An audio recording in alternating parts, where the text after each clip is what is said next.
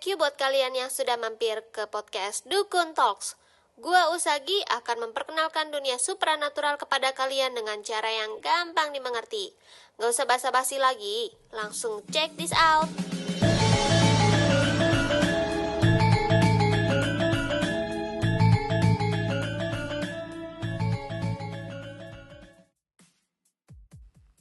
Oke, balik lagi sama gue Usagi di Dukun Talk. Kemarin kita udah bahas tentang spirit conjure ya atau kodam pendamping.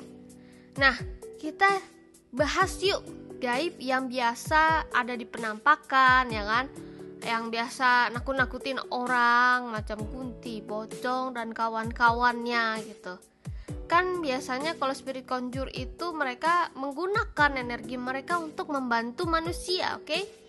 Nah, sedangkan sama gaib-gaib yang biasa menunjukkan penampakan itu ya berbeda tujuannya.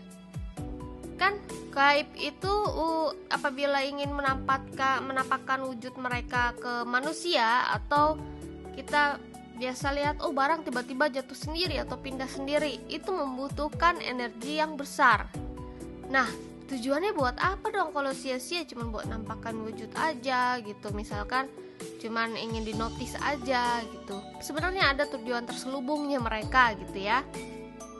Nah tujuan mereka apa tuh? Nampakin uh, wujud mereka di depan manusia-manusia itu. Tujuannya adalah menyerap energi manusia untuk mereka. Lah gimana caranya gitu kan? Kita biasa kita lihat cerita atau story story horor lah ya. Ketika kita atau manusia melihat gaib dan ada muncullah rasa ketakutan itu gitu ya. Ada rasa worry dalam dirinya gitu. Biasanya habis itu setelah melihat gaib itu mereka besoknya sakit panas seminggu ya. Nah itulah tujuan mereka. Oh bikin mereka sakit? Oh tidak. Nah dengan si manusia takut ini berarti energinya manusia ini diserap sama si gaib yang nakut-nakutin itu. Jadi tujuan utamanya adalah menyerap energi manusia yang uh, ada nih rasa takutnya ketika melihat wujudnya mereka atau action yang mereka lakukan gitu ya. Udah paham sampai di sini ya? Berarti kalau kita ketemu gaib, kalau mau energinya nggak boleh dis, uh, apa nggak mau diserap sama mereka sampai sakit dan lain-lain, Jangan takut tapi nggak boleh namanya sembarangan atau nantangin. Oke, berarti ini eh, nggak takut sama nantangin ini beda tipis ya frekuensinya ya.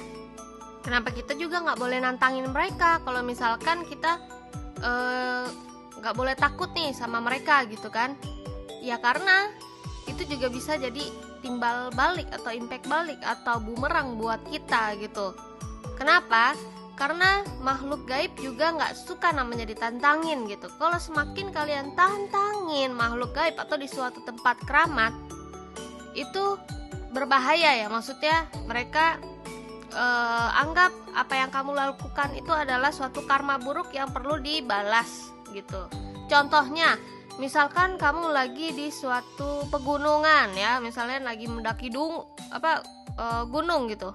Terus kamu secara sengaja kamu mengumpat di sana atau ngatain lah gitu ya atau berbicara kotor atau melakukan sesuatu yang tidak senonoh menurut mereka atau tidak pantas.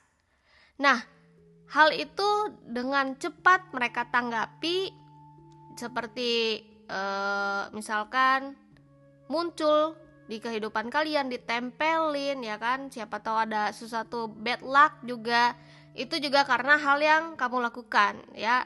Kayak inilah karma is real gitu. Cuman kalau sama gaib nih ya karmanya lebih cepat gitu. Kamu melakukan A dibalas A. Kamu melakukan B dia akan balas B seketika itu juga. Jadi jangan sampai kalian ini kalau lagi di suatu tempat keramat ya melakukan tindakan bodoh atau tidak senonoh atau yang tidak ada tata kramanya lah. Makanya kita dari kecil dari luhur diajarin sopan santun ya kan? Nah gaib-gaib ini ternyata juga suka menyerupai seseorang atau sosok yang dulu pernah menjadi suatu korban atau adanya tragedi gitu ya. Misalnya pembunuhan atau bunuh diri gitu. Nah mereka ini kan bilang oh ini sosoknya yang dulu pernah jatuh di gedung A misalkan itu bukan setan atau gaib dari orang yang jatuh tersebut. Melainkan uh, seperti kuntilanak atau pocong yang menyerupai orang yang pernah jatuh di tempat tersebut. Karena pada dasarnya gaib itu dapat merubah wujudnya atau bentuknya. Oke jadi gaib ini energi dan mereka bisa menyerupai wujudnya seperti sosok yang pernah uh, jatuh atau ada memori di tempat tersebut gitu. Dengan tujuan apa? Nah, balik lagi kayak tadi. Dengan tujuan nakut-nakutin gitu. Nakut-nakutin agar energinya kalian manusia, kita manusia ya bisa diserap sama mereka ya kan? Nah, gaib ini juga ternyata ya suka ngikutin sugesti orang, apalagi banyak nih. Maksudnya gimana nih, ya kan? Misalkan ada seseorang yang bikin cerita atau legenda, oh di turunan sana saya melihat ada wanita pakai baju merah bla bla bla bla bla bla gitu misalkan.